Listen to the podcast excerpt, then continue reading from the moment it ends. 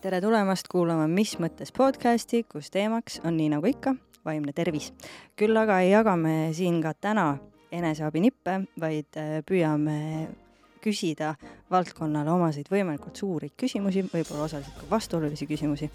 ja eelmises episoodis rääkisime me Karina Laasiga tõenduspõhisusest, ehk siis millist tüüpi teraapia üldse on tõenduspõhine. soovitan ka seda episoodi kuulata, aga täna on meil ees hoopis uus teema, milleks on naer läbi pisarate, ehk siis, et milline roll on huumoril nalja tegemisel mängida vaimse tervise juures. Ja loomulikult ei haruta ma seda teemat mitte üksinda, eh, vaid mul on külas eh, kaks külalist, armastatud eh, näitleja ja koomik ja kahekordne Rapla maakonna meister kettaheites Märt Avandi. sinu teadmised teevad sulle au, Marta, ja on jah nii ja eh, kliiniline psühholoog doktorikraadiga, Tartu Ülikooli psühholoogia magistriõppekava juht Karina Laas. tere! väga tore. mul ei ole kettaheites mingit kraadi. mitte ühtegi kettaheite kraadi ei ole või? et. ei ole viga, las siis mina alustan okei okay., ühesõnaga täna võtamegi ette sellise üsna suure teema, et ähm, me kõik teame, et huumoril on väga oluline roll mängida meie tervise juures, meie vaimse tervise juures aga tahame vaadata ka natukene seda poolt, et mis hetkel see võib olla hoopiski mingi mehhanism, et äh, mingeid muresid varjata. nii et äh, hakkame otsast minema, võib-olla mina küsiksin teilt äh, sissejuhatuseks mõlemalt, et teie elukutse juures, Karina, sinul siis psühholoogina, Märt, sinul siis ma ei ütle koomikuna, vaid ma ütlen näitlejana, sest see on nii palju laiem see ampluaa, et millist rolli mängib huumor teie elukutse juures? kas ja kui palju see on oluline? Sa ütlesid, et see hakkab pihta, sul on kettaheiteskraad. ja, ja kahekordne jah. no loomulikult täiesti vältimatut rolli mängib ja, ja ta ja huumorisooneta ei saa näitleja olla minu arvates, no tähendab, neid on, aga ega neil eriti hästi välja ei tule. see, seda, seda tööd mina ei suuda ette kujutada ilma, ilma huumorita ja ilma huumorisooneta ja mida teravam, täpsem ja minu arvates ka mustem aga see on noh, puhtalt maitse asi küll. see huumorisoon on, seda, seda suurem võimalus on sul äh, näitlejana olla võimekas mm.. sest et see äh, huumoritaju on üks näitleja kõige tä-, kõige mm, tähtsamaid ja vajalikumaid äh, omadusi. ilma, minu meelest ilma selleta ei saa loomulikult nimesid nimetamata ja see on, oleks lihtsalt karjuvalt ülbe, kui ma, kui ma mingisuguseid nimesid nimetaksin, kelle puhul ma olen seda täheldanud, et minu meelest äh, probleem, miks laval ei tule üks või teine asi välja, on, seisneb selles, et ta ei taju huumorit, sest et ka tragöödiat mängides tuleb äh, tajuda huumorit väga täpselt, sest et elu ei ole kunagi ilma, ilma naljata, ilma huumorita, aga kõige traagilisematel hetkedel tegelikult on alati huumor ka kohal. see on, see on alati nii, me teame seda, see ei ole midagi uut. seega elu, elu kujutades laval on võimatu ilma huumoritajuta seal kulgeda, see lihtsalt ei ole usutav minu arvates. mingid nüansid jäävad täiesti tajumata? absoluutselt jäävad jaa, ja sest et huumoritaju, huumoritaju saab üldistada ka üleüldisele elutajule minu meelest, et mm. noh, et see ma, mina olen muidugi jäägitult seda usku ja seda meelt, et, et huumor päästab maailma, seetõttu ma olen ka võib-olla oma seisukohtades selle koha pealt äärmuslik. aga siiamaani neljakümne kahe aasta jooksul on mul olnud õigus oled sa nõus, Karina? ma olen väga nõus ja et ma ei ole küll äh, näitleja, aga ma olen psühholoog ja täpselt samamoodi, et ma ei kujutaks ette, et kui, kui mul ei oleks huumorisoont ja kui ei saaks huumorit kasutada, noh, teadlikult on seda keeruline teha, aga see ongi spontaanne, kui see tuleb. aga tegelikult saab teraapias ka kogu aeg nalja. selles mõttes, et ma ei taha nüüd öelda, et see on üks nalja tegemise koht, inimesed tulevad ikkagi tõsiste asjadega, keegi niisama ei tule ju psühhoteraapiasse või abi saama, midagi on ikkagi jamasti ja tavaliselt negatiivset poole kaldu, mitte teistpidi. aga, aga lihtsalt kuidagi kujuneb, et seal on no nii elulised momendid, just seesama, et päris elu tuleb ju tuppa kätte ja, ja kui ei ole kui ei ole võimekust äh, iseenda selle elu ja mingisuguste absurdsete momentide üle nalja visata, et noh, mis, mis, mis elu või mis mm. teraapia see on siis mm.? ma olen väga nõus ja noh, teisest küljest ma olen õppejõud äh, ülikoolis ka, seal on ka pidevalt naljakas ju. no tuleb ju tudengitele ka näiteid tuua, aga siis äh, noh, peadki ju, peadki mõtlema, et kus need niisugused absurdikohad on või natukene ka võib-olla emotsioone juhtima ja siis et noh, jääbki paremini meelde mm -hmm.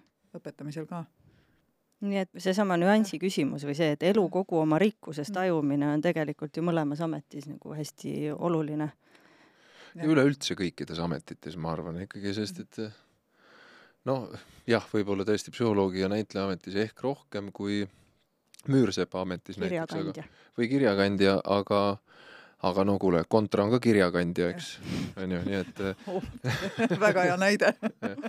Jah, et, et ära ütle, jah, ja, ja, ja ma arvan, et kui ehi-, ehitusplatsil või, või, või kontoris saab nalja, siis, siis töö kvaliteet kasvab hüppeliselt ja kui ei saa, siis, siis on palju kehvemini, see on, noh, see on lihtsalt inimese päris osa, saada nalja, sest et inimesed ju lähevad otsima nii teatrisse kui kinno kui kui peole mingisugusesse heasse seltskonda, keda, mida nad eelistavad just tegelikult eelkõige, võib-olla alati mitte sõnastatult niimoodi, aga tegelikult eelkõige, et saaks nalja, sest et see on mhm. üks ju põhilisi tunge meil, see on nagu narkootikum, mis on lubatud lihtsalt, mulle küll tundub, et see on see on legaalne. jaa, legaalne narkootikum ja, ja tõesti, tahaks õudselt ju nalja saada. mida rohkem saab nalja, seda parem on ja seda, mitte keegi ei ütle, et nüüd sai liiga palju nalja. ma ei ole küll kunagi kedagi, tähendab, ma olen kuulnud, aga ma olen ka kuulnud, olen kuulnud, aga ja. need inimesed, nendest tuleb ka eemal hoida, need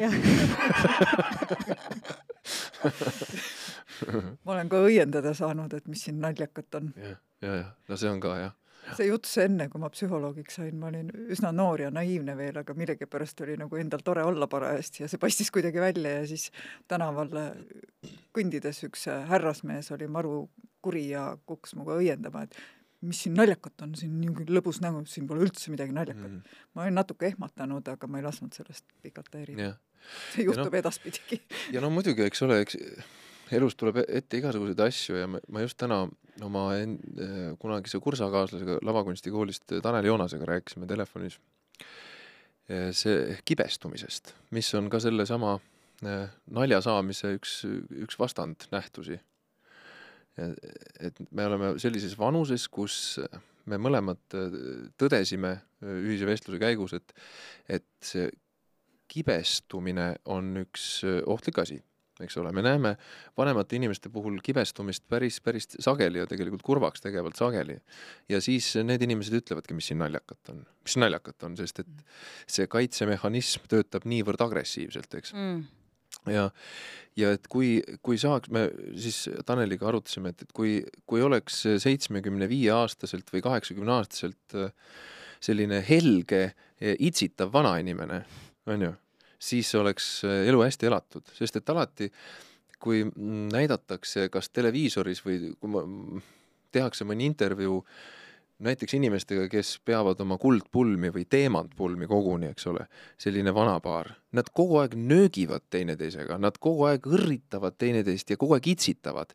Nad ei räägi kunagi tõsist juttu, kas te olete tähele pannud, vähemalt nii palju, kui ma olen seda tajunud. Ja see on nii võluv, me kõik vahime suu lahti sest et see on midagi niivõrd ilusat. Ja see ilu seisnebki selles kogu aeg torkimises ja nad, kui sa küsid neilt, et mis see armastus on, siis nad hakkavad laginal naerma, ah ole, mis jutt see on, onju, ja hakkavad jälle naerma.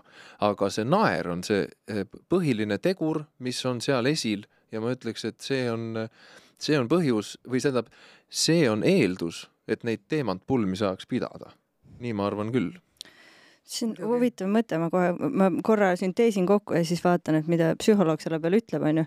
aga et, et kui võttagi nii, et kibedus on, ütleme, ma tõmban võrdusmärgi, et see on nagu küünilisus, mis tähendab seda, et ma eeldan, et kõik on nagu ette juba otsustatud või selline noh, umbusk maailma suhtes, et kõik mm. nagunii läheb teataval yeah. viisil.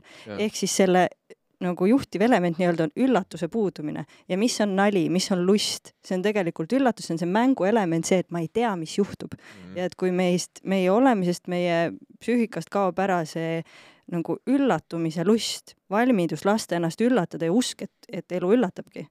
Et siis see ongi kibedus. kas Mm. ma võin niimoodi üldistada või? minu meelest on päris hästi kokku võetud. mm.. mängulisuse tooks ka sisse, et see Mm. käib kokku kõik sihuke mänguline lapselik olek, lust ja üllatused ja itsitamine, et Mm -hmm. see on, need on kõik positiivsed emotsioonid ja elu oleks jumala mõttetu, kui meil ei oleks mõlemaid, et muudkui me räägime nendest negatiivsetest emotsioonidest, siis unustame ära, et nii palju positiivset on, et neid saab ju võimendada täitsa teadlikult võimendada ja itsitada ja tuua välja ja lasta vabaks ja aga mis see teadus ütleb, et eh, kas saab võimendada, et millist rolli huumor vaimse tervise juures mängib?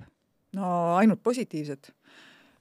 selles mõttes, et teadusuuringud äh, näitavad ka seda, et äh, need inimesed, kes on äh, positiivsemad, on niisugused vahvad kloostriuuringud, inimesi ei saa kloonida ja, või jagada gruppideks, et sina lähed niisugusesse keskkonda ja sina teise ja siis kasvatame üles ja vaatame, mis edasi saab, nii ei teha. et rottidega me tohime nii teha, aga räägime praegu inimestest. kloostriuuringud on selles mõttes naturaalsed eksperimendid kõige paremad, mis võtta on, et inimesed on sinna läinud, noh, võib-olla seal on ka mingid teatud taustad, et millised inimesed sinna lähevad, aga selle kamba sees on varieeruvus väga suur ja, ja siis, kui need nunnad või, siis inimesed sinna jah, noored lähevad, siis nad kirjutavad mingisuguse pika kirja, mis neil enne elus oli, justkui nagu hüvastijätu kiri, et ma ei ole nüüd kursis, mis usus see täpselt niiviisi on, aga ühesõnaga on sadu selliseid kirju analüüsitud ja tehtud tekstianalüüs, võetud välja positiivsed sõnad, see sõnade osakaal mm. -hmm. Noh, üldtekstist ja siis jagatud need neljaks ja vaadatud, siis see on juba niisugune uuring, kus inimesed on juba surnud, aga vaadatud, et, et need tegelased, kellel oli palju rohkem positiivseid sõnu, versus need tegelased, kellel oli kõige vähem, et see ülemine, alumine neljandik siis, et mis see eluea vahe on, ja see on ligi seitse aastat. Mm. et see on juba nagu päris suur vahe, et võib mõelda, mis need mehhanismid on siis, et kui tal on juba nooremana selline sõnavara, kus ta näeb rohkem positiivset, kirjeldab positiivset, ju tal võib-olla see loomus ongi selline helgem, positiivsem, tõenäoliselt on seal rohkem nalja ka, eks nad käivad omavahel koos korrelatsioonis. muide, nendele inimestele, kes nendesamade tekstiuuringute põhjal, et kellel niisugune sõnavara keerukam oli, neil oli oluliselt vähem niisuguseid neurodegeneratiivseid haigusi. see tähendab siis dementsust, Jah.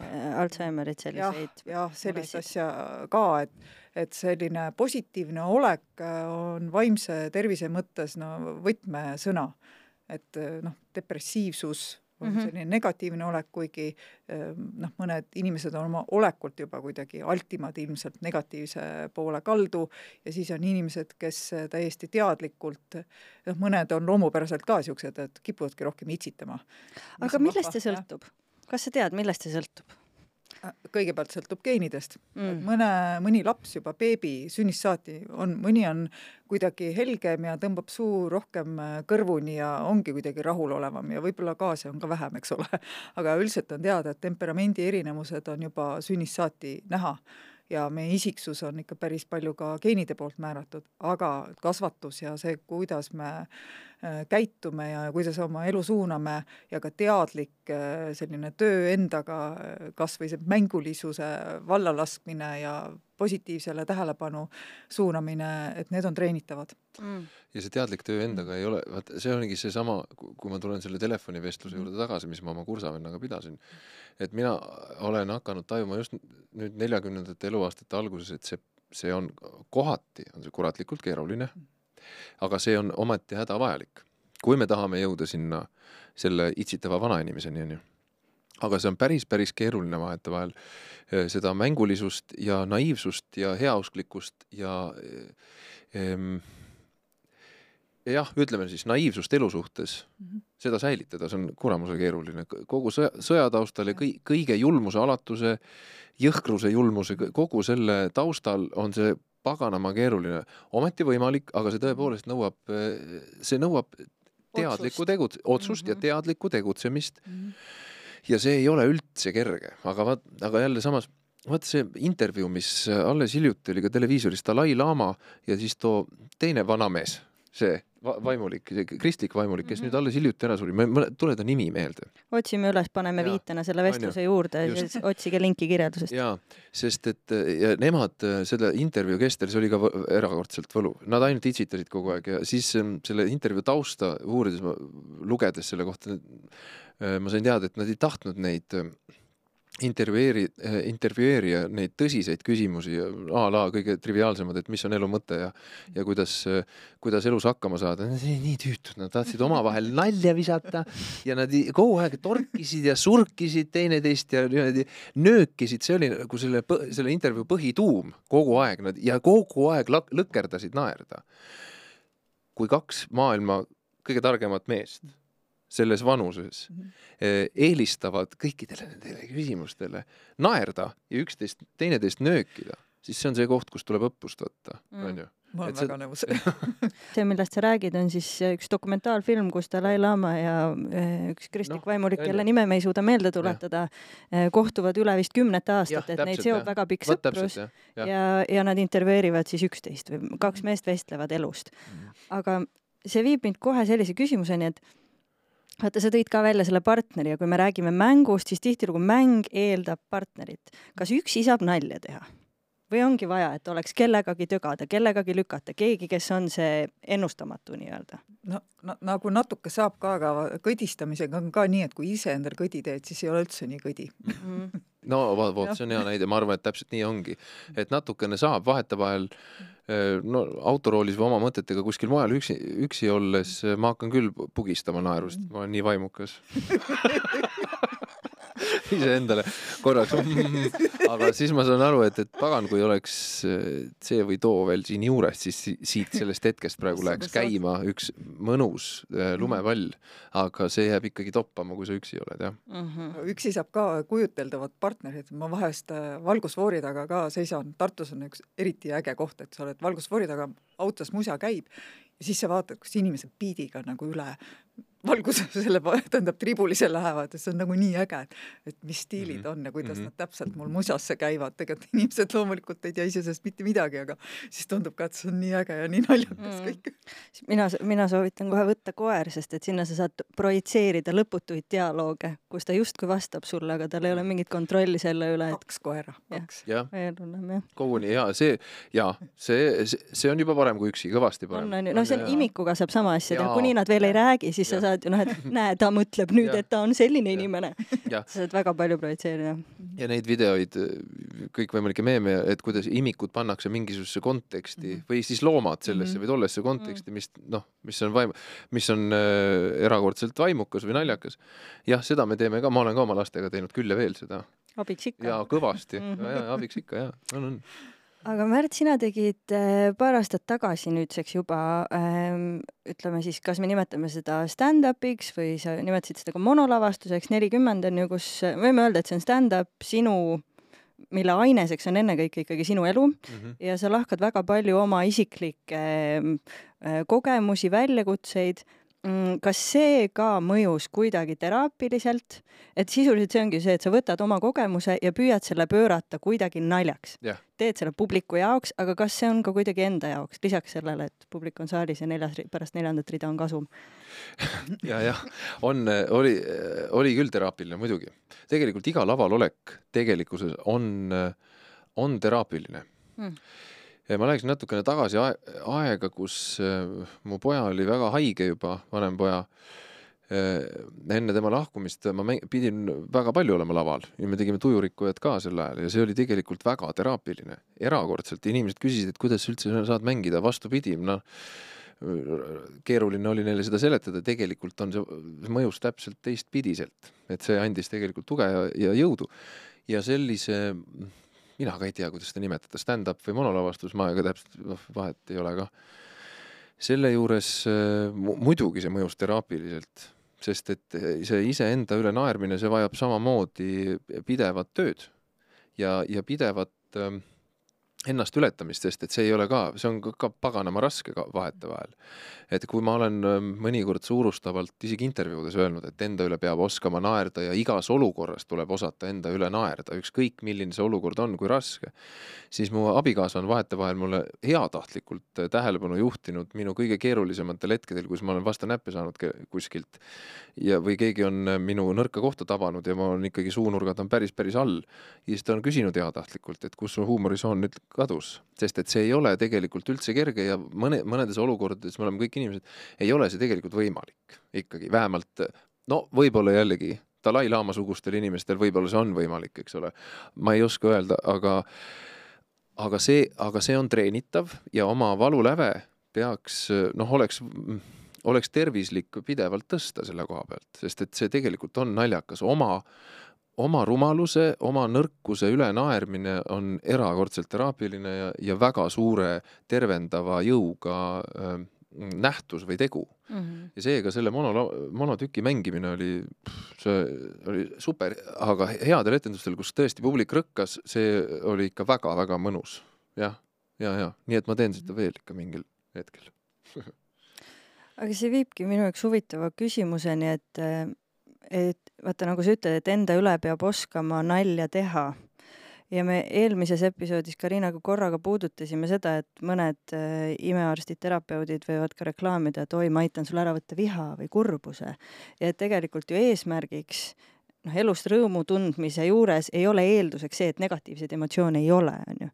Ähm, aga et ma võib-olla siit lähekski selle küsimuse juurde, et kus see noh, mul oli ka, nüüd ma olen muutunud võib-olla natuke sõbralikumaks ka enda suhtes, aga väga pikalt mul oli selline väga meeldivalt musta huumori sisemonoloog, eh, mis kogu aeg tõlkus ka väljapoole, aga et see noh, et kuskilt maalt see võib viidata ikkagi ka sellele, et äh, et sa lood mingit distantsi enda ja mingi valukoha vahele, et kust maalt see enda üle nalja heitmine võib olla hoopiski millegi maskeerimine või mingi varjatud selline abipalve või, või viidata lihtsalt sellele, et ma ei suuda asjadest otse ja rahulikult ja ausalt näiteks rääkida. et kuidas seda piiri tunnetada, Karina? No ega esimese kokkupuutega ei saagi aru, aga loomulikult iga asjaga on võimalik ka liiale minna. Seesama huumori kasutamine justkui kilbina, ähm, mõnes olukorras on see jumala mõistlik, kui ongi ebameeldiv olukord ja tead, et sealt välja ei saa ja parem on võib-olla mingit kildu visata, sest niikuinii mingit head lahendust ei ole ja, ja siis pärast vaatame, mis saab.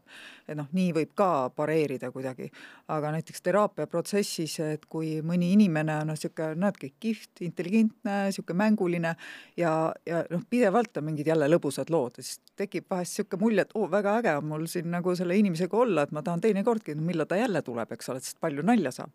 aga kui ma saan aru, et me teemegi seal ainult nalja mm -hmm. ja, ja ta libiseb kogu aeg sellistelt tõsistelt asjadelt minema mm, -hmm. siis tekib küsimus, et mis asi see on, et ta kasutab huumorit enesekaitseks ja ei lasegi sinna ligi selle koha peale, kus tegelikult on vaja valusatest teemadest rääkida et äh, ma ei taha nüüd öelda, siin ei ole mustvalgeid nagu jutte, et millal mõnikord on hea ennast kaitsta mm. huumoriga, nagu sa tõid ka välja, et see võib olla väga terapeutiline teatud olukordades, aga kui teisest küljest kuskile elu on nagu toppama jäänud, sa tead, et sa oled jälle mingite valusate asjadega ühe koha peal ja edasi ei liigu ja kogu aeg kasutad ikka huumorit edasi, siis tekib nagu küsimus, et oot-oot, ma peaksin sellest valusast kohast ka kuidagi edasi arenema või, või moond-, minema mm. -hmm et äh, noh, siis võib arutada, et oot, sa viskad kogu aeg nalja, et kas selline, et kas sul on võib-olla olnud juba lapsena kombeks äh, olla kuidagi heas mõttes klassikloun või lõbustaja või selline roll on võetud, et äh, maandan kõikide inimeste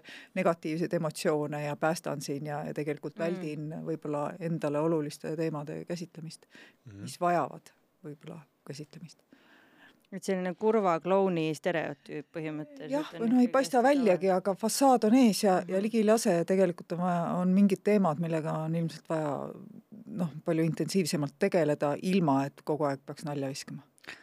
oled sina, Märt, seda kunagi tajunud, et ja. huumor muutub nagu kilbiks? jaa, ma iseenda puhul olen seda tajunud. ma olen seda teinud küll ja küll. seesama, mida Karina praegu mm -hmm. rääkis ja mm, käin ka psühhoteraapias aeg-ajalt viimasest korrast on üks kuu aega möödas, aga mhm. seesama teema on meil äh, psühholoogiga üles tulnud küll. ja, ja alles nüüd muuseas, äh, mina olen mõelnud jah, natukene mustvalgelt sellest, et äh, see enese üle naermine on lihtsalt nagu puhtakujuline teraapiavorm ja nii ongi, aga tegelikult seal on tahke just täpselt seesama teine -hmm. teine pool äh, on see, millest praegu juttu on. ja, ja sellest me, seda me oleme hakanud kaevama psühholoogiga alles hiljuti, võrdlemisi hiljuti. Ja see on mulle täiesti uus asi, aga mul on see nüüdsest juba küll väga tuttav ja, ja noh, ühesõnaga enda sees võib kaevata lõpp, lõpmatuseni ja, ja seda me teemegi elu lõpuni ilmselt, eks. -hmm. aga mina olen oma kaevamistega jõudnud jah, kohta, kus ma varem pole olnud ja see ongi täpselt see, mis sa praegu rääkisid. see on jumala huvitav. on, see on, see on väga huvitav, täiesti. ja täpselt seesama, et, et ja mida sina, Marta, ütlesid enne, kurbuse ja viha ja te negatiivsete emotsioonide vältimine mm.. see ei ole eesmärk omaette, kurbusega ma olen, kurbusega ma olen saanud sina peale juba ammu, ma olen aru saanud, et see on asi, mis ähm, et las ta olla, kui ta on, ei pea temaga sõdima, ei pea võitlema, ei pea vältima. vihaga on küll selline probleem olnud mul, et, et ma olen üritanud olla parem inimene mitte vihastudes, aga tegelikult on see pagana ohtlik tee. jah ja viha on tegelikult kergem iseendale subjektiivselt taluda kui kurbus selles mm. mõttes, et äh, noh, loomadel on ka, teatud moment, kui on niisugune kas kurb või hirmunud või niisugune allaheitlik mm. olla, siis võib väike surts tulla aju teistesse osadesse, mis panevad nagu vihastama või, või tekitavad frustratsiooni ja siis see annab kohe niisuguse mm -hmm. oh, tugeva oleku ja siis ma jaksan justkui rohkem sellega ära teha, et see annab võimu ja niisugust särtsu, et see on mm -hmm. nagu mõnusam, aga noh, vihal on teatud destruktiivsed tagajärjed kohati ja, ja eriti suhetele, et siis peab mõtlema, et kuidas siin no täpselt ja. jah, et, et ma olen mõelnud, et, et selline, no ma olen hea lastetoaga ja endast niimoodi kogu aeg sellisel arvamusel olnud, no üldiselt nii on ka laias laastus, eks, aga tundub kuidagi niimoodi defineerides, et intelligentse inimese jaoks eh, vastata samaga näiteks võõra, võõra inimese viha, vihale sinu aadressil eh, siis ma nagu laskun temaga samale tasemele, näiteks selliseid olukordi, noh, mitte et neid tuleks nüüd igapäevaselt ette, aga neid aeg-ajalt ikkagi tuleb, vähem tuttava, tuttava või siis päris lähedase inimesega seoses. ja ma olen alati olnud seisukohal ja käitunud ka vastavalt, et, et viha peab talitsema mm. -hmm. aga ei ole alati nii. tihtipeale ja tead, päris mõnus on pursata vahel ma olen sellest alles hiljuti aru saanud ja see ikkagi on väga vabastava jõuga ja tegelikult ei tee sellele teisele osapoolele eh, sugugi liiga ilmtingimata, võib-olla sel hetkel. no siis noh, pangu, esiteks pangu vastu, onju, ja teiseks tegelikult eh, see on öö, eh, oluliselt ausam käitumine, eriti kui tegu on lähedase inimesega, eks ole. See on nagu usalduse küsimus natuke, ühesõnaga, see on pikk teema, te võib-olla olete selle juba eelmises podcast'is ära lahanud, onju, aga, aga see on minu jaoks justkui paljude jaoks kindlasti täiesti nagu elementaarne teadmine, aga minu jaoks päris uus ma olen olnud ikka hästi viisakas ja, viisakas ja viks kogu aeg ja jah, ja vihaemotsioon on täiesti samasugune normaalne emotsioon nagu need teised emotsioonid, mis meil kõik olemas on, ega see ära ei kao mm. -hmm. ükskord ühelt psühholoogilt küsisin, et aga noh, et vaata paljud inimesed, nagu sa kirjeldadki, on ju, et õpivad viha alla suruma, sest see ei ole justkui aktsepteeritud mm, -hmm. et mhm. see, et sa oled üksi kodus ja nutad näiteks, see on aktsepteeritud, kurb võib olla, on ju. Mhm. noh, ma saan aru, siin on meestel-naistel mingid erinevused, selle soorolli ootused, aga üldiselt ikkagi kurbus on aktsepteeritud, aga viha on nagu olemuslikult kuidagi destruktiivne ja see on see, miks paljud nii varakult õpivad seda kuidagi maha suruma, et sa ei tohi lõhkuda mm, -hmm. sa ei mhm. tohi suhteid lõhkuda, asju lõhkuda ja nii edasi ja seega viha muutub selliseks keelatud emotsiooniks tihtilugu, eh, mis kuhugi lükatakse natukene sinna varju ära, aga eh, küsisin kord ühelt psühholoogilt, et aga et mis siis on konstruktiivne väljendus vihale ja tema vastas, aga kas see peab konstruktiivne olema mm? -hmm. et see on absurdne eeldada emotsioonilt, mis on täpselt sama väärtuslik nagu iga teine mhm. emotsioon selles nagu spektris, sest ta on mingi funktsiooniga välja kujunenud, eeldada talt, et ta oleks hästi konstruktiivne mm. -hmm noh, siin on lihtsalt eh, mingid mõistlikud lahendused, et kui mm. ma tean, et minul see viha purskub, eks ole, tugevalt, et ma, see ongi kohati destruktiivne, et see võib tähendada ka auku ukse sees et kui mul on kombeks ikkagi alati kirve järgi haarata no,, siis võib-olla tasub kaaluda mingeid. jah, aga noh, mingid niisugused lihtsamad asjad, kui liigselt alla suruda, eks ta hakkab siis kuskilt kõrvust välja voolama lõpuks ja, ja teistmoodi mingid torkid, niisugused õel, õelutsemised kuskilt mm. ümber nurga, no see ei ole üldse parem, see on mm. nagu veel vastu. jah ja. Aga siis mingid niisugused elementaarsed asjad, kuna viha on nii füüsiline, siis äh, väga paljude inimestega me oleme kokku leppinud, et nüüd on kätekõverdused või noh, mingid Mhm. kükistüpped, et, et sa saaksid füüsiliselt seda natukene välja rapsida, sest Mhm. on noh, niiviisi ma tahan midagi teha ju mm. -hmm. et äh, tahab ja tegelikult ei ole üldse paha, jälle viisakad inimesed nii ei tee et, äh, et kiruvad või ütlevad mõned niisugused kurat, ropendavad väheke no ühesõnaga mm. -hmm. aga tegelikult ka viksid naised võiksid mõnikord panna tuh-tuh-tuh-tuh korra ära ja on õhk palju klaarim ja lähme edasi. mm. noh, peab joosta muidugi võib ka, mina jooksen joo, jaa, jooksmine on ma jooksen nii, et ohohohoo. ja, ja see on mind aidanud päris mm. -hmm. Ja päris palju Mhm. jah, noh, see kõik füüsiline muidugi. ja sest ta tõmbab täiesti jaa, siukseks ju.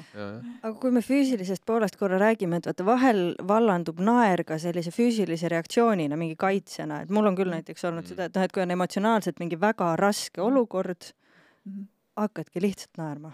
et Mhm. millest see mehhanism tingitud on, et kuidas see huumor meid nagu, kas see on, kas see on kaitse? On olemas üks niisugune vahva teooria nagu vastandprotsesside teooria, kus nagu kirjeldataksegi, et noh, meil on em emotsioonid üldiselt negatiivsed ja positiivsed või hakka noh, valents on teada, ühed on meeldivamad, teised ebameeldivamad.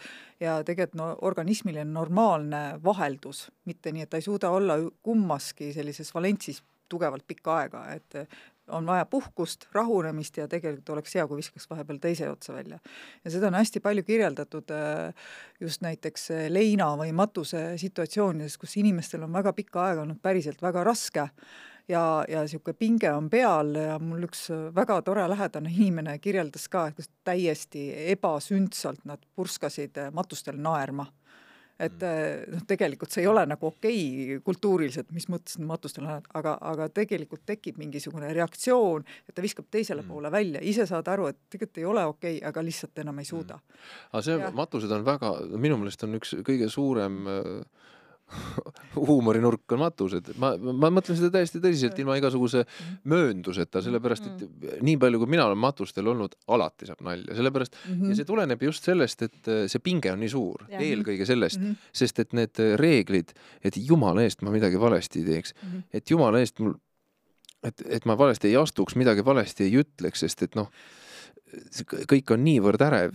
ja siis, no siis hakkavad asjad juhtuma ja neid tegelikult neid lugusid, sellest võiks ka monotüki teha tegelikult mm. -hmm. minu meelest Andrus tegi ka sellest vaarik Mi, midagi vähemalt sinna kanti, vähemalt osa tema viimasest monokast oli, oli, rääkis matustest ja ega mujal maailmas on seda kindlasti palju tehtud, aga tegelikult see on ammendamatu, kasvõi alates sellest, et et see matusetalitaja ütleb selle kadunukese nime valesti, onju.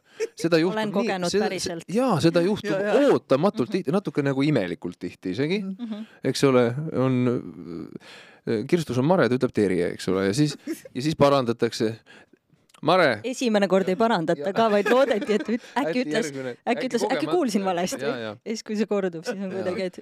ja siis ma olen, mina olen ka kogenud matustelt tohutu palju nalja, see on lihtsalt ja, ja tegelikult kui sa oled vähegi terve inimene ja kui eriti, kui matused ei ole ka midagi traagilist, ütleme, et on tõesti vanainimese matus, mis oli täiesti orgaaniline sündmus, siis tegelikult võiks seda nalja isegi nagu võimalikult palju saada peakski saama, sest et see minu meelest on, see on tervislik, mina oma poja matustel, ma tegin nalja ja, ja oma ema matustel ja oma isa matustel ka, sest et ja kõik on selle eest väga-väga tänulikud, sest et see eh, jällegi, noh, see, see on, esiteks ta on tervislik, ta õgvendab kogu pinge ja, ja, ja siis ta muutub päriseks. see, see matuseõhkkond muutub selliseks, nagu ta võiks olla, sest et ega kurb on ju niikuinii, selles mm -hmm. ei ole ju kahtlust, ega keegi seda ju ei, ei üritagi eirata ega, ega vähendada seal läbi selle nalja, aga ta muutub, kõik hakkavad, noh, õlad lähevad vabaks ja inimesed hakkavad hingama ja selle matuse meeleolu on tegelikult adekvaatsem, mitte selline nööri mööda ja jäik, mida,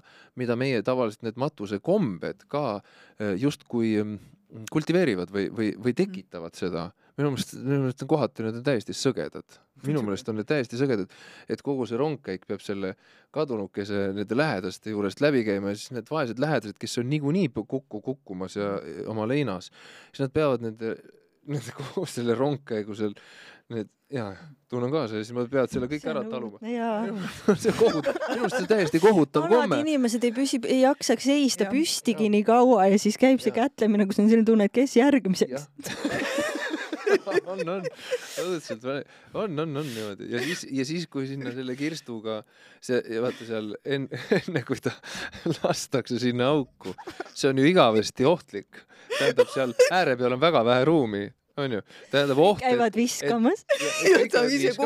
seda, aga seda, et, et sa selle kir koos kirstuga sinna auku, no libis, libastud, eriti kui on talveaeg, see oht on erakordselt suur, erakordselt suur. Ja ma olen ise libastunud sinna augu ääre peal, apa jalg käib niimoodi, mitte kukkunud küll, aga see kirst käib niimoodi, et ma mõtlen, et püha jumal, et ja siis ma tean lugusid, võib-olla need on ka nüüd me hakkasime matuste nalja rääkima. Seda, et ikkagi noh, kirst kukub kirst kukubki piraki ja see gaas läheb lahti ja, ja no igast varianti.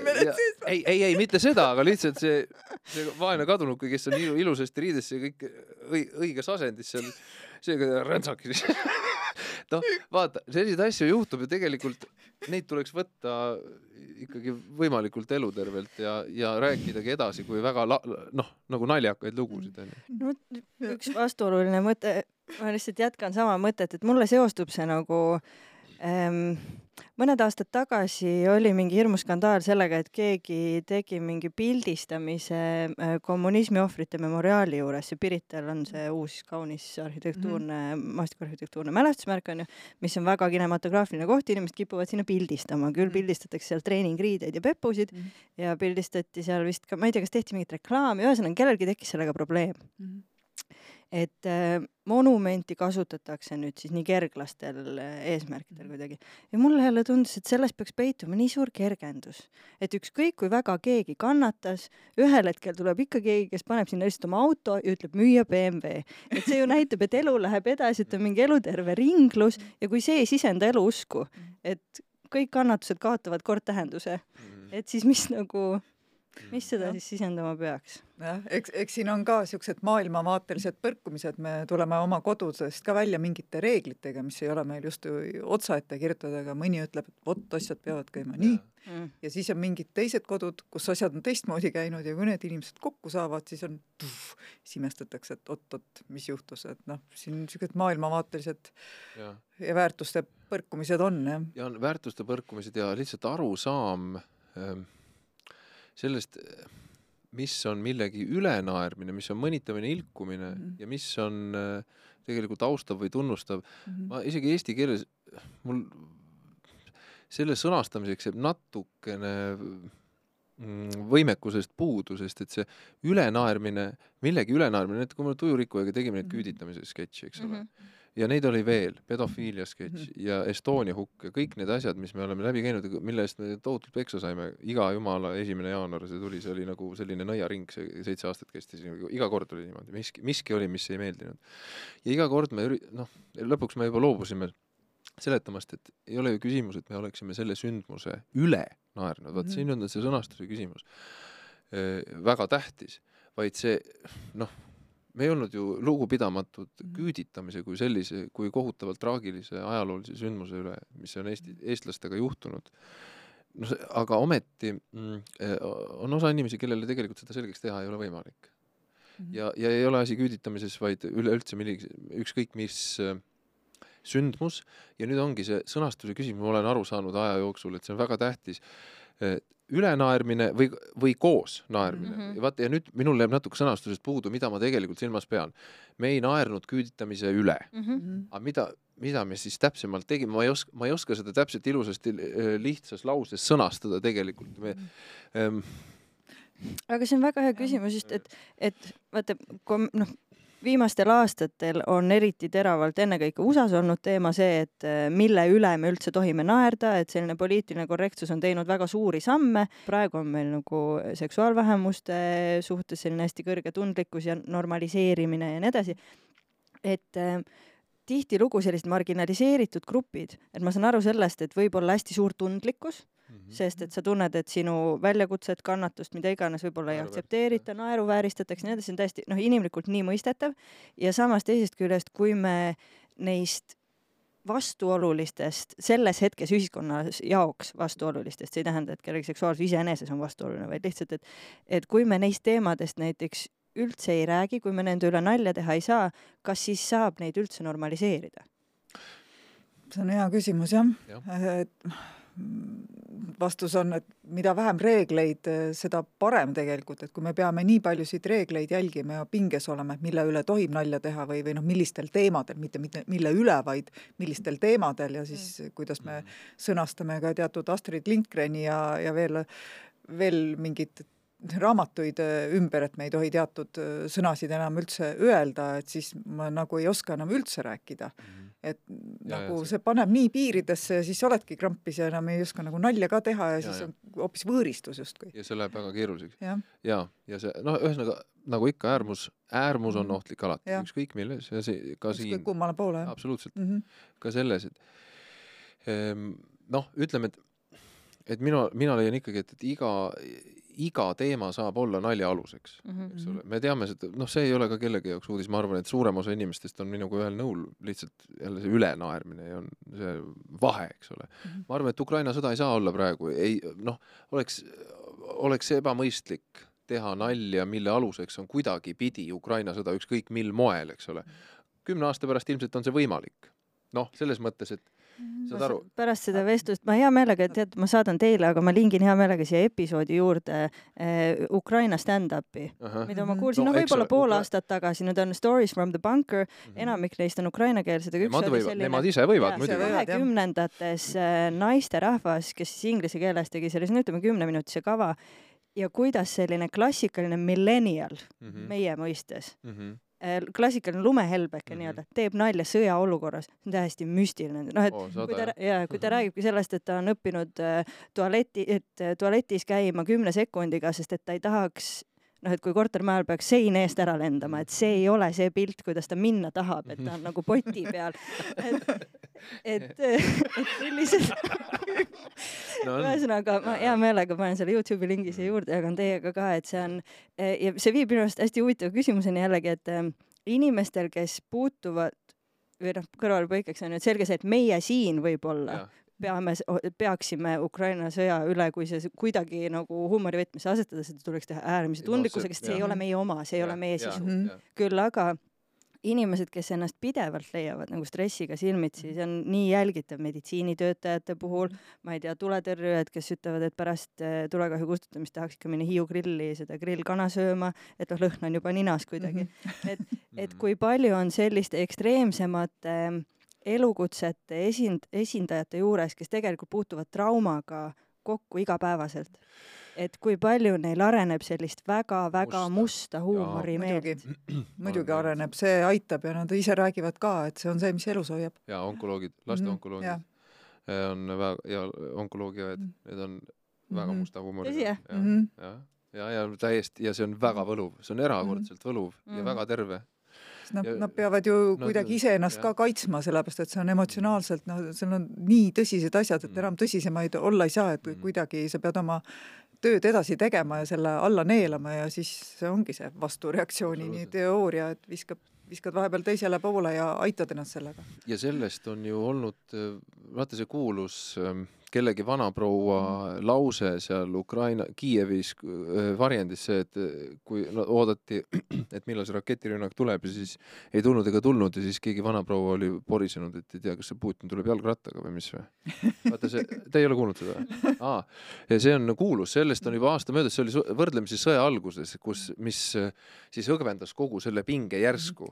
keegi vana, lihtsalt vanaproua ütles, et kaua see tuleb nüüd siis, ei tea, kas see Putin tuleb jalgrattaga või mis. ja siis äh, ja siis kõik rõkkas, eks ole, mhm. ja sellest räägitakse, alles hiljuti oli sellest mhm. jälle kuidagi mingis kontekstis juttu, onju. Mhm. nii et jällegi huumor päästab maailma ka selles olukorras. aga lihtsalt jah, et kes tohib ja, ja mil moel tohib. eks ole, kui sa pead olema lihtsalt äh, väga tundlik, äh, emotsionaalselt väga intelligentne, väga vaimukas Mm. Kui sa puudutad nii teravat teemat või noh, nii tundlikku mm. teemat, aga siiski ma olen seisukohal, et kõik on võimalik, eks. lihtsalt mm, -hmm. et ükskõik mis on ikkagi võimalik mm. -hmm. aga samas noh, et siin ongi see skaleerimise küsimus mingis mõttes, et vaata, kui me hästi tihti selliste noh, kui me üldse püstitame küsimust, mis on okei okay,, mis ei ole, mida me siin saates teeme erinevates aspektides, on ju, ja tavaliselt me jõuamegi sinna, et tähtis on tajuda olukorra individuaalset sellist nagu olemust, on ju, et ei mm. ole üht reeglit, vaid on alati mingi väga spetsiifiline viis. Ehm, noh, et koomikuna laval sa räägid paratamatult sadadele inimestele, televisioonis sa räägid sadadele tuhandetele inimestele, sa ei saa olla tundlik kõigi suhtes. sa teed mingi sisemise kompassi järgi ja. mingi otsuse ära, onju. aga kuidas sina võtad selle nii-öelda vastutuse, et et sa pead siis olema valmis ka selle pahameelega ja, kuidagi silmitsi seisma. jah, olengi. tähendab, mis puudut-, noh, see Tujurikku on kõige parem näide, sellepärast et see jõudis kõige suurema vaatajaskonnani, eks ole, et, et siis, siis me harjusime sellega, jah, et see -hmm. alati, alati toimus kihistumine väga selgelt, äärmuslikult poolt ja mhm. äärmuslikult vastu. sellist mm -hmm. keskmist, kelle, keda ükskõikseks jättis, oli võrdlemisi vähe me harjusime sellega. Need ei kirjuta ka. ja need ei kirjuta ka mm, -hmm. jaa, muidugi. ja siis me harjusime sellega aasta-aastalt. see võib-olla alguses tundus kuidagi kummaline aga tegelikult see ei ole kummaline. See lihtsalt on mhm. täiesti normaalne, täiesti tavaline ta,, tavaline nähtus ja tavaline, täiesti harilik ja loomulik reaktsioon, et see ongi täpselt, jaotabki kahte lehte need inimesed ja ja, ja ei saa pahaks panna, nooremana ma nagu panin seda pahaks, sest et ma, teatav upsakus oli ka, eks me olime ülbed ka onju, mm. oma, oma seltskonnaga, sest et ma arvasin, et, et see on ikkagi kuramur hea, mis me teeme, onju. oli küll, jah. aga noh, et me, ega me seda kriitikat ka väga hästi ei talunud või siis, või siis kui talusime, siis pidasime seda no igal juhul mitte konstruktiivseks ja, ja me ei võid otse öelda? noh, ühesõnaga, ja ma, ma usun ka, et ma võin otse öelda, aga ma lihtsalt, kuidas see täpne sõnastus on, kui keegi võttis ikka kogu artikli kirjutada, neid inimesi oli ka, siis ähm, me muigasime üleolevalt selle peale. sest et mm -hmm. meile tundus ikkagi, et meil on õigus mm, -hmm. eks ole äh,. tuleb vanusega teatav tolerantsus, teatav mm, või suurem võimekus mõista ka teistsugust arvamust, mhm. kui, kui on sinu oma. eks me olime sellised kolmekümnesed laia, selle tujuriku ajal, eks ole. ja siis selle, see upsakus ja, ja ego on ikka suurem oluliselt mm., kui ta on praegu.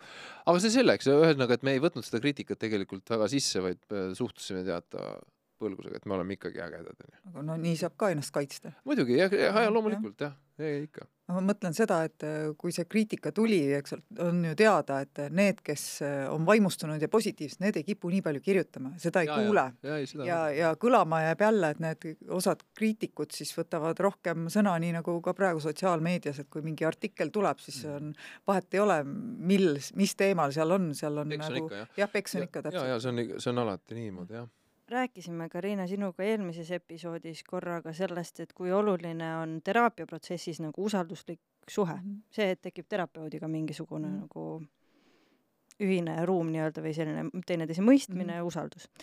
Ehm, kui me mõtleme korra nagu huumorile selles aspektis, siis noh, Märt, sa oled ka ilmselt mõningate spetsialistidega kokku puutunud, kuivõrd on see oluline, et äh, huumorimeel klapiks? Ühe vaimse tervise spetsialisti, olgu see psühhiaater, psühholoog, äh, nõustaja, kes iganes, ja kliendi või patsiendi vahel.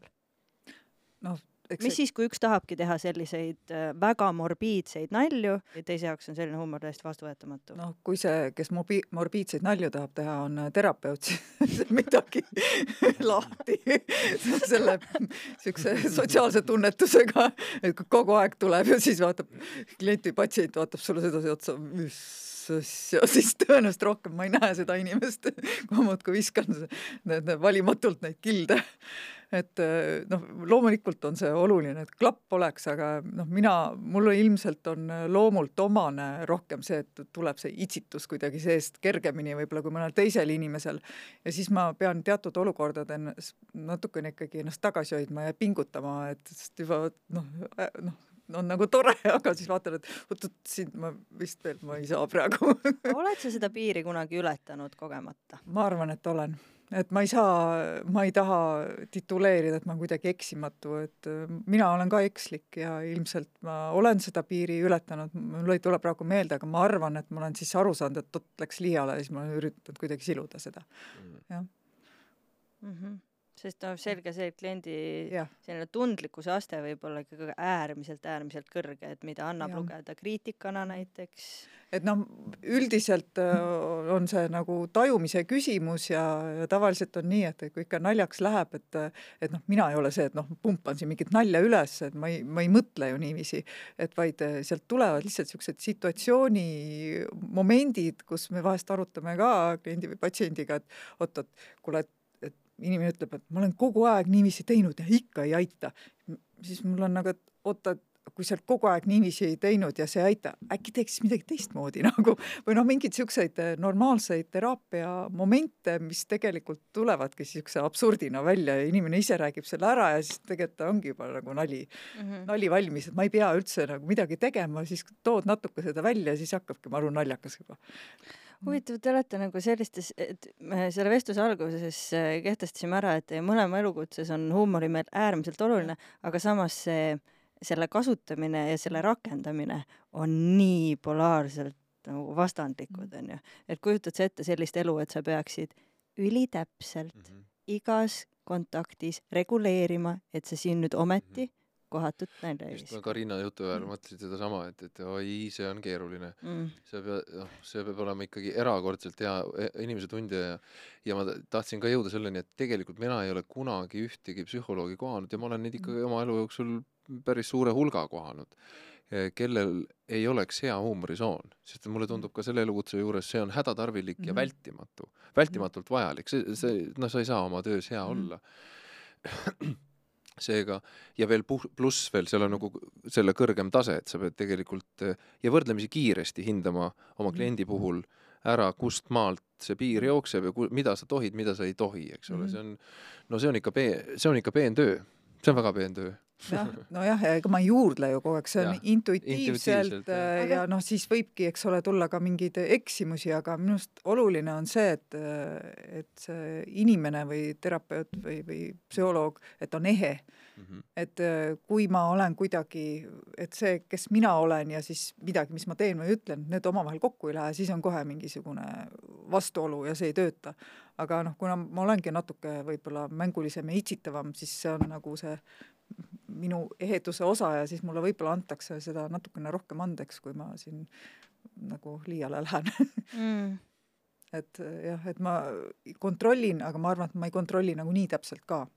et see on intuitsiooni pealt mingil määral ja ma tunnetan äh, või noh, ma ikkagi kuulan, mida inimene räägib, sest iial ma ei tohiks äh, lasta teha mingeid nalju, mis kuidagi inimese enesehinnangu pihta teevad või mm -hmm. noh, meil peab olema see ühisruum, et on aru saada, et me nagu kuidagi ei alaväärista tema mingeid omadusi või midagi säärast, vaid et kui me leiame mingisuguse naljaka momendi, siis see ei ole ju äh, ma ei taha ju kuidagi alla tõmmata teda, vaid vastupidi, võimestada, jõustada, näidata seda mängulist poolt ja et ka sellistes tõsistes kohtades võib olla palju nalja mm. -hmm. sest tavaliselt nad tulevadki mingitest suht tõsistest kohtadest ja, ja. tegelikult tuleb päris nali, hea nali ju. päris hea nali tuli tegelikult me tegime just taastusproovi, mida me nüüd jälle mängime Evelin Võigemastiga stseenid ühest abielust, Ingmar Bergmani mm -hmm. kurikuulus näitemäng, mis on tegelikult väga, oma olemuselt väga karm väga eluline mm, -hmm. aga noh, mitte kogemata maailmakuulus näitemäng, sellepärast et ta on selline paari suhtest ähm, ja muuhulgas ka kõige suurematest julmustest, jõhkrustest ja alatustest, mida kaks inimest, kes teineteist armastavad, on võimelised teineteisele tegema ja ütlema. ja, ja samas on need väga elulised mm, -hmm. aga ilma ilustamata ja hellitamata ja kui me nüüd jälle taastusproovi tegime üle, üle suve, üle, üle, üle aasta siis meil sai jälle kohutav, eelkõige sai kohutavalt palju nalja. tohutult palju nalja, sest et nii kui ta õigeks läheb, see, mm. see kraad läheb õigeks, see tõetunne tekib, siis hakkab mm. kohutavalt naljakas. Mm. publik seda ei näe pärast, sest me noh, siis me oleme juba, käitume professionaalselt, aga tegelikult see tõetunne paneb lagina, ajab laginal naerma ja need situatsioonid, mille puhul me naerma hakkame, on tegelikult väga traagilised mm. -hmm. ja see omakorda, miks me hakkame, see tõetunne tekib, on see, et, et me vähem või rohkem Äh, oleme Eveliniga neid olukordi lihtsalt äh, oma elus äh, kogenud, onju, mhm. siis see tekib see mhm. tõetunne, saad aru, kui, kui kohutavalt absurdne see tegelikult äh,, absurdne ja koomiline oma mhm. selles äh, julmuses mm, -hmm. traagilisuses on, et see, see ühesõnaga tragöödia komöödia on kogu aeg käsikäes, alati mm -hmm. nii elus, elus kui näitemängus, sest näitemäng võiks paremal juhul olla elu aga see, kui sa ütlesid, et sa, e, sinu jutu peale mm -hmm. on, et, et noh, minu tööst tuleb e, nalja ette siis, kui, kui tõetunne tekib mm.. ja olgu siis, olgu see situatsioon laval milline tahes, see ei pea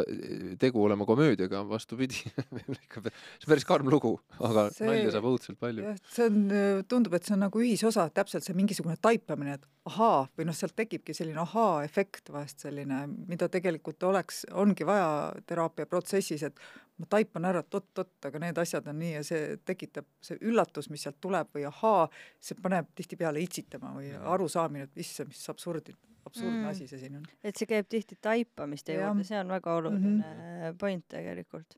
aga kui teadlikult sa kasutad huumorit teraapias, kas see on lihtsalt intuitiivne või on mingid konkreetsed metoodikad, kui palju seda rakendatakse? No selles mõttes, et äh, on olemas ju ka mingisuguse naeruteraapia, kus lihtsalt sunnitakse kas sa suudad seda tõsiselt võtta? ei, mina ka ei suuda, see on see ei ole ju ma mõtlesin, et me äkki see on- jõuame sinnamaani, väga hea, et sa, Marta, selle, füüsiline piin Minu- meelest on ette. see on niivõrd jõle,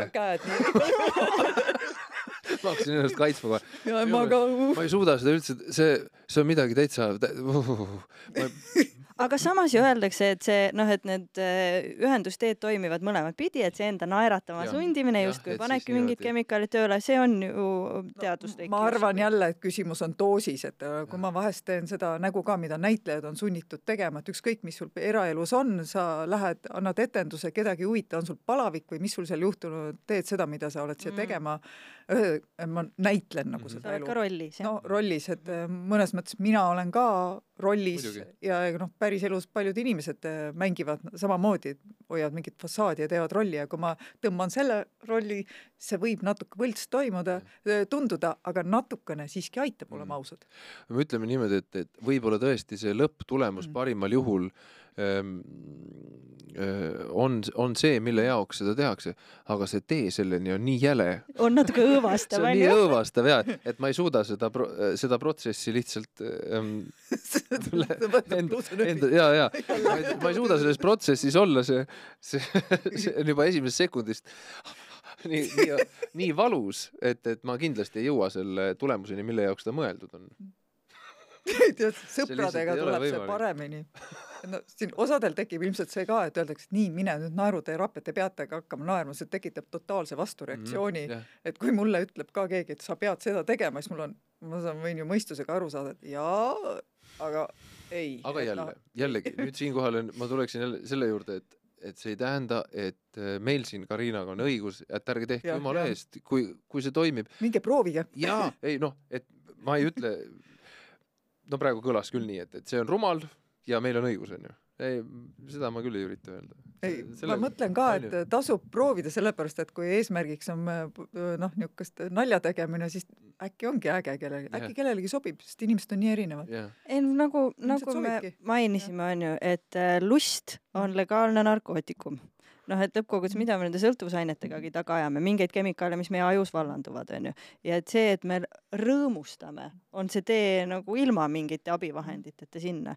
ja et lõppkokkuvõttes, kui on mis iganes vaimse tervise probleem, onju, et seda lusti on nagu liiga vähe, siis ei ole ühtki nagu valet teed selleks, et äh, Mhm. Et see, et see dünaamika üldse enda sees üles leida. Mhm. vabandust, aga ehk olete ka kohanud, mulle tundub, mõned inimesed näiteks on unustanud, kuidas naerda.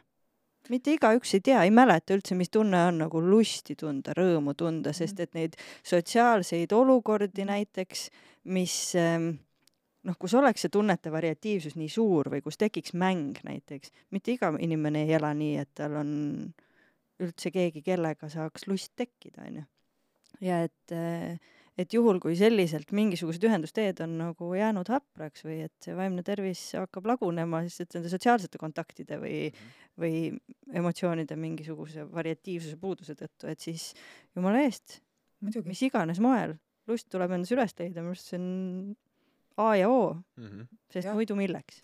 ja see kipub ka muuseas ununema. on, olen olnud korduvalt tegelikult situatsioonides või mitte, mitte situatsioonides, vaid sellises äh, eluetapis, kus äh, tagantjärele ma saan aru, et issand, kui vähe ma olen naernud ja kui vähe on nalja saanud.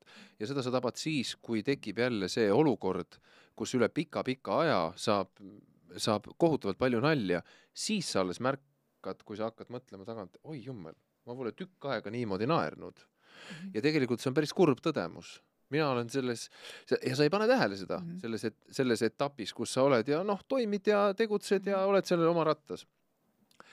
Ja ma tegelikult ei teagi eh, retsepti, kuidas ennast, noh, siis lihtsalt jällegi enese, pidev enesega tegelemine võib-olla selles suunas, võib-olla aitab eh, ennast jälle kohale tuua ja, ja otsida neid eh, naeru ja nalja võimalusi, eks ole, sest et see, see on väga oluline, sest et see on alati siis kohutavalt vabastava jõuga. Mhm. noh, siin sel aastal tegime ühte filmi siin terve sügis, talv, kevad pikalt tegime ja alati, kui ma sinna võttele sain, siis sai nii tohutult palju nalja.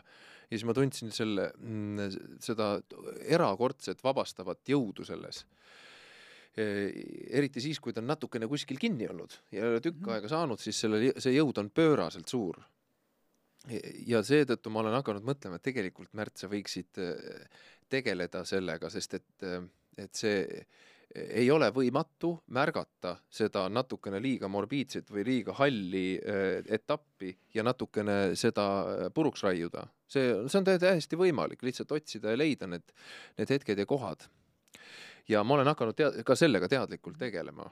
Õnneks mul on äh, poja juba nii suur, mul Herman saab juba neliteist ja juba ammu saab tema ka nalja ja aina rohkem saab, sest ma olen väga uhke tema terava huumorisoone üle ja, ja siis äh, ma lihtsalt äh, Hermaniga äh, tegelen nii, et et Hermaniga saaks nalja, et meil oleks omavaheline suhe, sest et ka see, ka see nali on väga oluline suhte alus väga,, väga-väga tugevalt mõjutab suhet, kui on ühine naljasoon, eks ole. Mm sellest aspektist lähtuvalt ja lihtsalt, et enda vaimne tervis oleks äh, parem ja, ja poja vaimne tervis oleks ka parem, et ma tegelen täiesti teadlikult sellega mm. -hmm. ja Helmiga juba ka, sest Helmi ei ole ka enam titt. võimalikult palju nalja, liiga palju ei saa seda kunagi olla. jumala õige, et see toob nagu selle mõtte juurde, et inimesed vahepeal lähevad, otsivad seda nalja ja rõõmu kuskilt väljastpoolt, aga seda annab täpselt iseendal ja kodus ka tekitada, et kodus on ju kõige vaba, peaks olema kõige vabam õhkkond, kus ei ole ka seda, et et mis teemadel võib ja mitte, et noh, enam-vähem on ju teada, et siis seda nalja ja lõkerdamist ja lõbu võiks ja mängulisust võimalikult pal-, palju olla, et see ju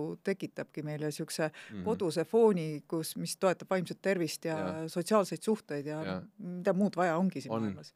ja mu abikaasal on ka väga erakordselt must niimoodi, et vahepeal tõmbab hinge kinni kohe see see, see, see nali siin-seal ja me pidevalt seda piiri niimoodi kompame oma liisuga, seda, et kui kaugele lastega võib minna ja mhm. harjutame neid, et aina mhm. kaugemale seda lükata, sest et mhm. see, see on vajalik oskus elus ja, ja ja aitab, nagu me siin oleme rääkinud, et aitab, aitab elus väga-väga palju, see on vahetevahel ainuke asi, mis sind üldse aitab mm -hmm., huumorisoon ja siis ma olen väga uhke, kui mu poja teeb selliseid väga teravaid nalju, nii et, et näiteks kui see see kurikuulus Pealtnägija intervjuu oli selle koka, kokaiini teemal onju.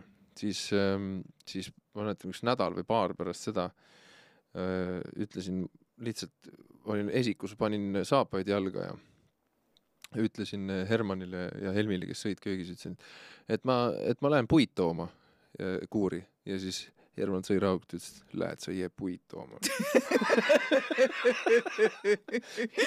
Ja nad, ja vot kui selliseid hetki tekib, siis ma olen, mul on, mul läks süda väga soojaks, mul on tohutult hea meel. mul on väga-väga hea, ma olen väga uhke. Mm.. jumala hea kild ju. on ju?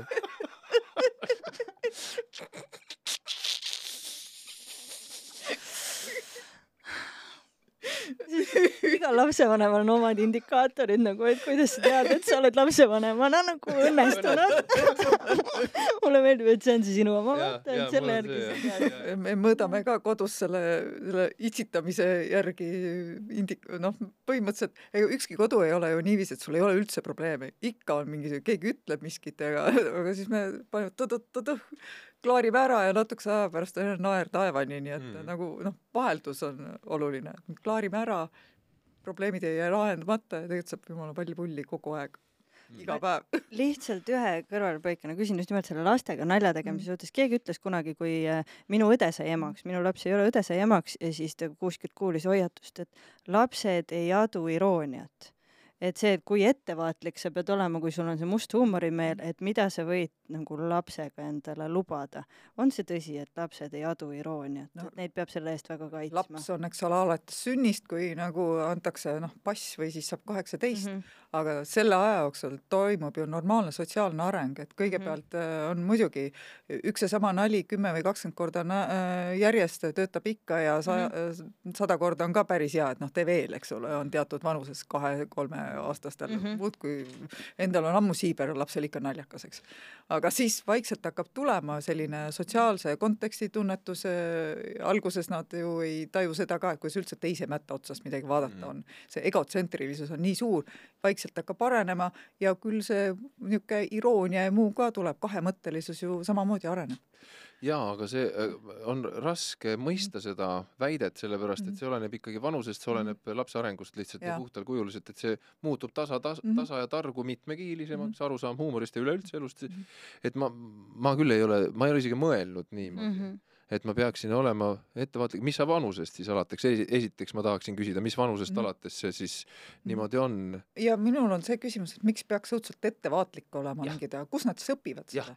kui ka natukene ja. läheb liiale vahepeal, natukene tõmbab hinge kinni, mul on olnud lastega küll seda no,, küll, loomulikult, siis kui ma, kui ma ka lähen liiale või Liisu läheb liiale, ikka juhtub, loomulikult mm. -hmm. ja tõmbavad mokad torru natukene, et tegi, said nagu natukene haiget, siis me kohe seletame mm -hmm. seda kohe-kohe, muidugi, loomulikult, selles mõttes ta, selles mõttes on ta mm, täiesti ohutu pinnas, huumor kui niisugune, sest et see ongi harjutusväljak mingis mõttes. see on harjutusväljak mm -hmm. ja, ja, ja sest et meie saab kohe õppima. täiesti turvaline, see on tegelikult täiesti turvaline. kui ka läheb üle piiri, kohe on seletusvarnast võtta loomulikult, sest et vaata, me mõtlesime emmega niimoodi, üldse ei naernud sinu üle praegu mm, -hmm. vaid, vaid see oli sellepärast, sellepärast ja tolle pärast. Mm -hmm. väga lihtne ja tegelikult olukord laheneb väga kiiresti, nii et see on mm -hmm. selles ja, mõttes turvaline. ja vaata, siin eeldus ongi see, et äh, tegelikult vanemad on sellised äh, mõistlikud, et äh, kahjuks on ka perekondi, eks ole, kus te, nagu solvataksegi või noh, noh, endal vanematel on miskit viga ja siis niisuguseid kahemõttelisi kilde Just. visatakse lastele, mis pärast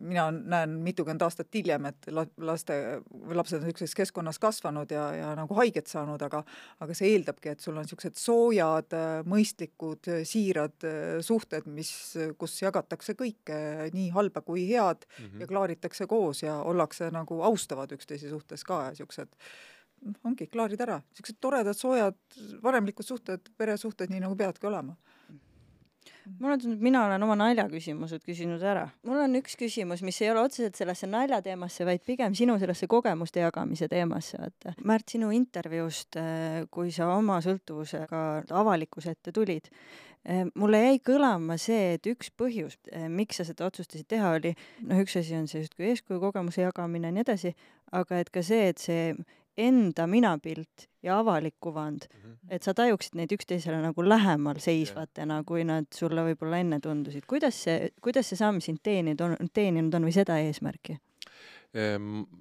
jah, see on, see on õige küll, see on seesama selle mingisuguse maski mm -hmm. hoidmine mm -hmm. ja siis päris mina olemine, et see, see kaugenes teineteisest juba, juba minu jaoks no ikkagi liiga-liiga kaugele, oli juba ammu seda teinud ja ma ei taha seda enam, sest et see, see lõpuks sööb sind seest lihtsalt tühjaks.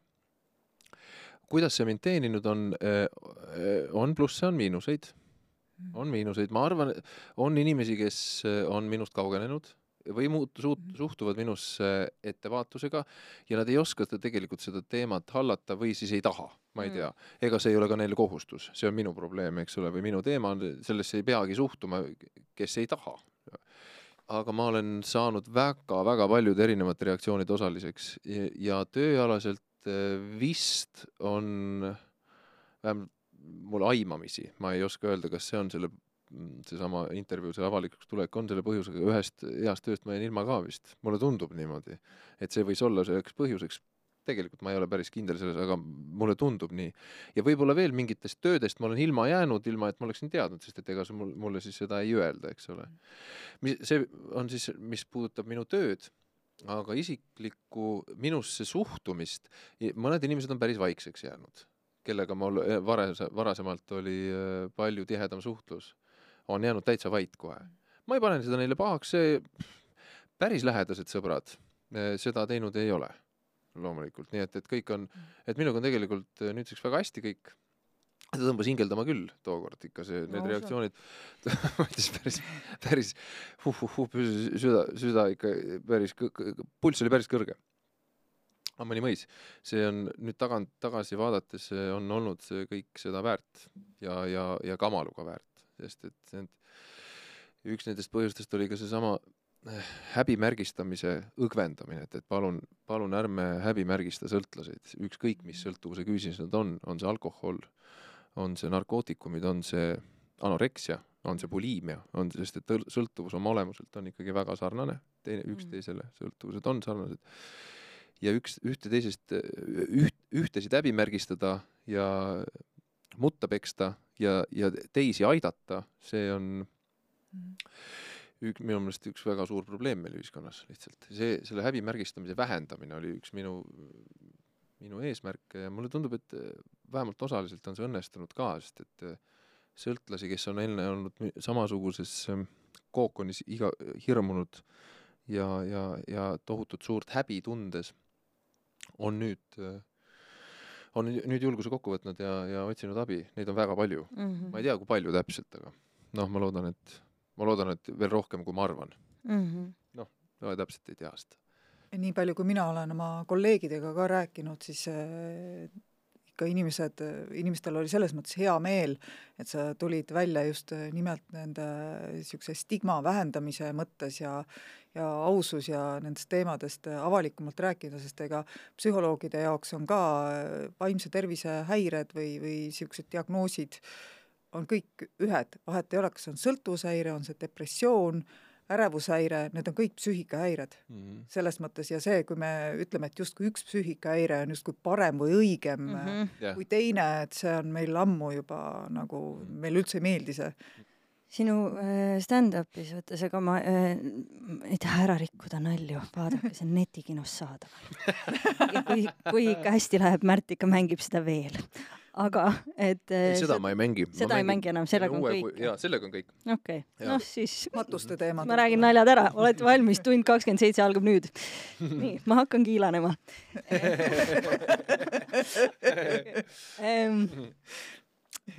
aga tegelikult ühesõnaga, sa teed seal sellise nalja või märgid ära, ma eeldan, et see on fakt, aga et et kui küsiti Eesti venelastelt, kes on ideaalne mees, siis see oli Edgar Savisaar ja kui eestlastelt, siis kes on ideaalne mees, siis see on Märt Avandi see on nii, see on fakt jah. see on fakt jah ja,? on väga noh, palju õnne, see Ja on suur suurepärane. et äh, lihtsalt, et kui me alustasime oma vestlust sellest, et äh, huumorimeel on hädavajalik selleks, et tajuda elu kõigis, kõigis tema nüanssides ja kogu tema rikkuses, et siis see avaliku elu tegelasena oma kogemuse jagamine, noh et see ei ole ainult see, on ju, et kõik me tahame teada, et rikkad nutavad, on ju, vaid ähm, just nimelt mulle tundub see, et meeldetuletus, et elu on alati nii palju nüansirohkem Mhm.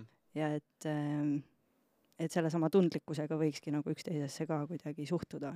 jah, just. Mm. et mulle tundub, see on üks hästi suur väärtus, mis sellega ka kaasas käib. vot, nii paljukest siis. ühesõnaga, aitäh teile, et eh, nii Karina kui Märt, et te tulite stuudiosse, teiega oli väga lõbus. kuule, Oli jah lõbus. oli tore jaa, on ju, Jumala täitsa saime hakkama. võiks jätkata. aitäh eh, kuulajatele-vaatajatele, et te meid jälgite. kui te siit eh, episoodist midagi saite ja ma usun, et te saite, siis märkige ennast mis mõttes podcasti jälgijateks nii sotsiaalmeedias kui podcasti platvormidel. vaadake storiesforimpact.com kodulehekülge, kuhu tänane episood üles läheb ja kuhu me paneme juurde ka kõik need lingid, millest siin täna juttu oli, olgu see Ukraina stand-up või eh, mõni uuring, mis meil siit veel läbi käis. selline sai siis seekordne Mis mõttes episood sellest, et milline suhe on huumoril naerul, naljal ja vaimsel tervisel. tegemist on Erasmus plussi poolt toetatud äh, täiskasvanuhariduse projektiga. meil on tulemas veel palju põnevaid episoode ikka vaimsest tervisest, aga erinevate nurkade alt ja siis juba uute kõnelejatega. aitäh teile kuulamast ja taas kohtumiseni.